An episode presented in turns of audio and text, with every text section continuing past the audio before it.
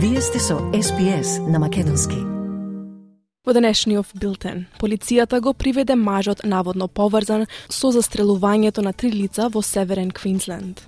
Премиерот Антони Албанезе рече дека Австралија не ја менува својата позиција во однос на Тајван.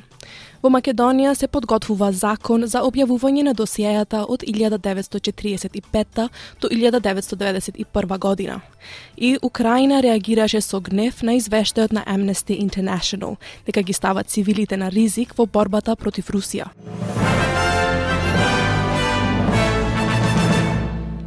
Полицијата го приведе мажот наводно поврзан со застрелувањето на три лица на рурален имот во Северен Квинсленд.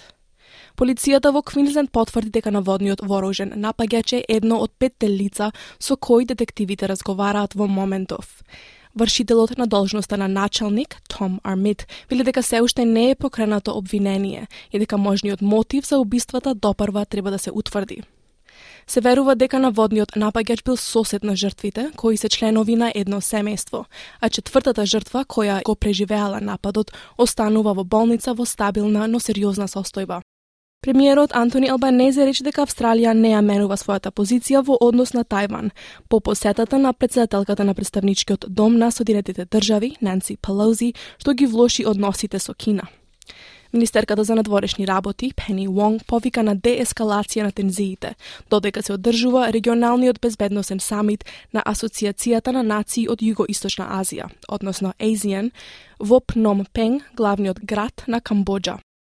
Тоа доаѓа по извештаите дека Кина истрелала воени ракети во тајванскиот теснец, во близина на независната земја што Кина ја смета за територија, Портпаролот на Американската национална безбедност, Џон Кирби, рече дека активностите на Пекинг се цитат провокативни и дел од долгогодишниот обид да се промени статус квото.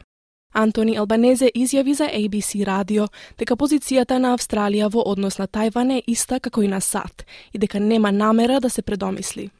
We need to stay the course that we're on, which is to uh, seek uh, cooperation and positive relations with China uh, where we can, but stand up for Australian values and Australian national interests where we must. Сојузната влада вели дека усвојувањето на законот за климатски промени во представничкиот дом представува крај на цитат деценија на неизвестност. Предлог законот се очекува да биде усвоен и во Сенатот, откако лидерот на Зелените, Едам Бант, посочи дека партијата ќе го подржи законот. На владата ќе бидат потребни гласовите на сите 12 сенатори на Зелените и барем еден независен сенатор или сенатор од мала партија. Но вице-премиерот Ричард Марлс изјави за Канал 9 дека лабористичката партија не мора да презема дополнителни одстапки за да ја обезбеди поддршката на Зелените. What we've put before the Parliament is a piece of legislation which is completely consistent with the mandate that we received on the 21st of May. I mean, 43% was the target that we said that we took to the Australian people. 43% is the target which is in the legislation that's going through this Parliament.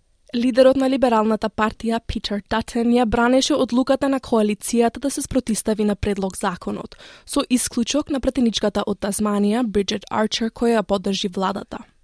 Господин Датен изјави за Канал 9 дека зголемените цели на владата за намалување на емисиите веројатно ќе придонесат кон повисоки цени на електричната енергија за семејствата. We're all for renewable energy and for a responsible response uh, to the environmental concerns that uh, we all have, but we've got to do it in a way that doesn't uh, turn off the lights. Државните премиери наводно се во преговори за нов центар за контрола на болести во Австралија, откако сојузната влада потврди дека планира да разговара за финансирањето на центарот. Премиерот Антони Албанезе вели дека веќе разговарал со барем неколку премиери кои би сакале центарот да се наоѓа во нивната држава. Но тој не објави повеќе детали, освен дека доколку се финансира центарот, тоа би било вклучено во буџетот во октомври кој се подготвува во моментов. Центарот за контрола на болести беше дел од изборните ветувања на лабористите. Поранешната шефица на кабинетот на Џон Барларо денеска ќе се појави на парламентарна истрага за да зборува за контроверзното назначување на нејзиниот предпоставен на функцијата комесар за трговија во Нью Йорк. Шувон Хамблен ќе се појави заедно со управната директорка на Investment New South Wales, Кайли Бел и комесарката за јавниот сектор, Катрина Лоу. Тоа доаѓа два дена по оставката на министерот Старковија и заменик лидер на либералите во Нофижен Велс, Стюарт Ерс, поради скандалот. Премиерот Доминик Перете ја прифати оставката на господин Ерс по нацрт извештајот подготвен од одделот за премиерот и кабинетот, кој покрена прашања за тоа дали Ерс го прекашил Министерскиот кодекс на однесување.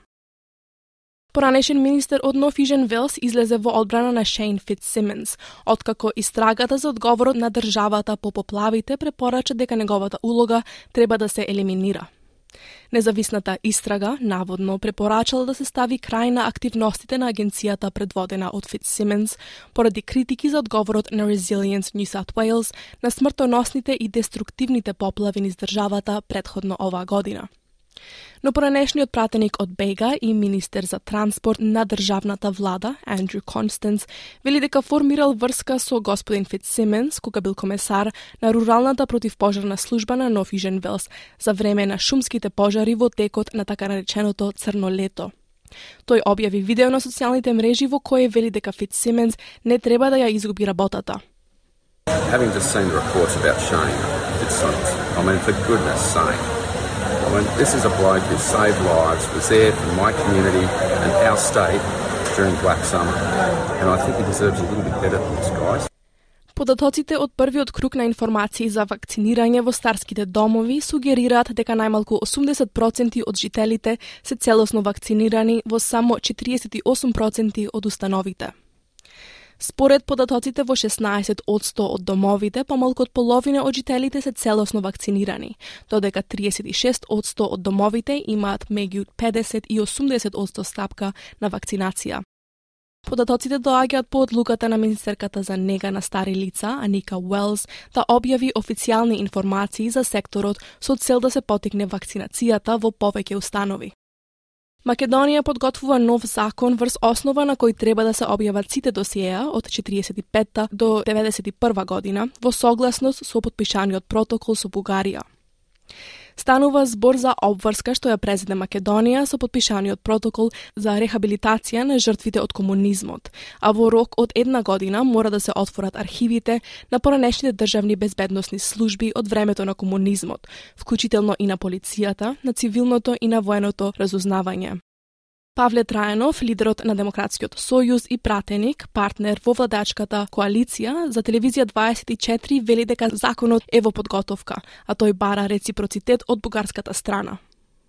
Тирам на реципроцитет со тоа што бугарската страна тврди дека они имаат таков закон и дека секој има право на пристап до сите тие досија материали. Инсистирам при подготовката на овој законски проект секој наш државјанин или наша институција, јавно обвинителство, службите и така натаму, ќе има право на пристап до досијата со кој што располага Бугарија. Владата објавува дека за ова прашање ќе се дискутира по летните одмори. Обединетите нации соопштија дека ги разгледуваат иницијативите за подобрување на глобалната соработка во оглед на тековните геополитички тензии. Во брифингот за напредок на извештајот на заедничката агенда за 2021 година, генералниот секретар Антонио Гутереш рече дека постојат иницијативи кои би можеле позитивно да влијаат врз интересите на сегашните и идните генерации, доколку тие се добро испланирани. Извештајот го прати влијанието на бројните мултилатерални договори во светот и нивното влијание врз здравието, трговијата и безбедноста. Но тој вели дека иако глобалните проблеми се досега невидени, тие не се несовладливи. Our common agenda was intended as a wake-up call and one year on, we must ask ourselves, have we woken up? Every day we wait leads us closer to a global breakdown both physical and political. But while the problems before us are unprecedented, they are not unsurmountable. Украина реагираше со гнев на извештај на Amnesty International дека ги става цивилите на ризик во борбата против Русија. Според извештајот на групата за човекови права, постојат докази дека украинските сили извршиле напади меѓу април и јули од населени станбени области и дека тие биле сместени во 19 градови и села во три региони низ земјата. Но украинскиот министер за надворешни работи Димитро Кулеба вели дека извештајот на Amnesty нема за цел да ја пренесува вистината до светот, туку цитат создава лажна рамнотежа меѓу криминалецот и жртвата, нарекувајќи ги заклучоците цитат лажна реалност. So please stop engaging in this creation of a false reality where everyone is guilty of something. Instead, engage in reporting the systemic, large-scale truth about what today's Russia is. Do it at least in the name of the civilian victims, citizens of Ukraine, who were shelled by Russian mines at a public transport stop in the city of Toretsk, Donetsk region today. Денеска и утре силен ветер и обилни врнежи се очекуваат во делови од Јужна Австралија. Бирото за метеорологија вели дека студениот бран од Јужна Австралија сега се движи кон Викторија и се очекува да пристигне во Новижен Велс за време на викендот. Портпаролот на метеоролошката служба, Дин Нарамор, вели дека постои ризик од мали до умерени поплави во некои области. Тој вели дека жителите треба да ги следат локалните услови и да ги слушаат официјалните совети. Severe weather warnings are current for heavy rainfall and damaging winds for our elevated areas of northeast Victoria and also southeastern parts of New South Wales, with damaging winds likely for our areas of southeastern parts of New South Wales.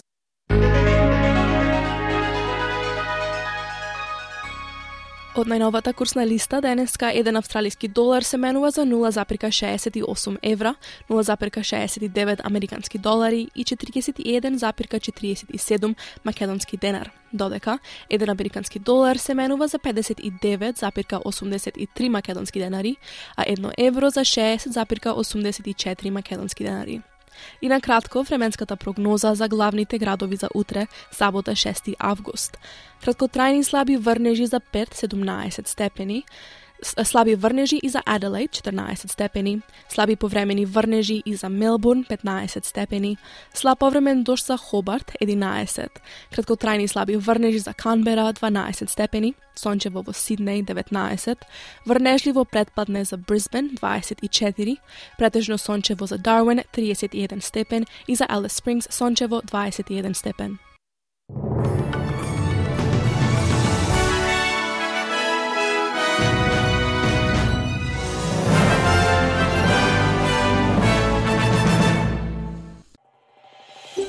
Сакате ли да чуете повеќе прилози како овој? Слушате подкаст преку Apple Podcasts, Google Podcasts, Spotify или од каде и да ги добивате вашите подкасти.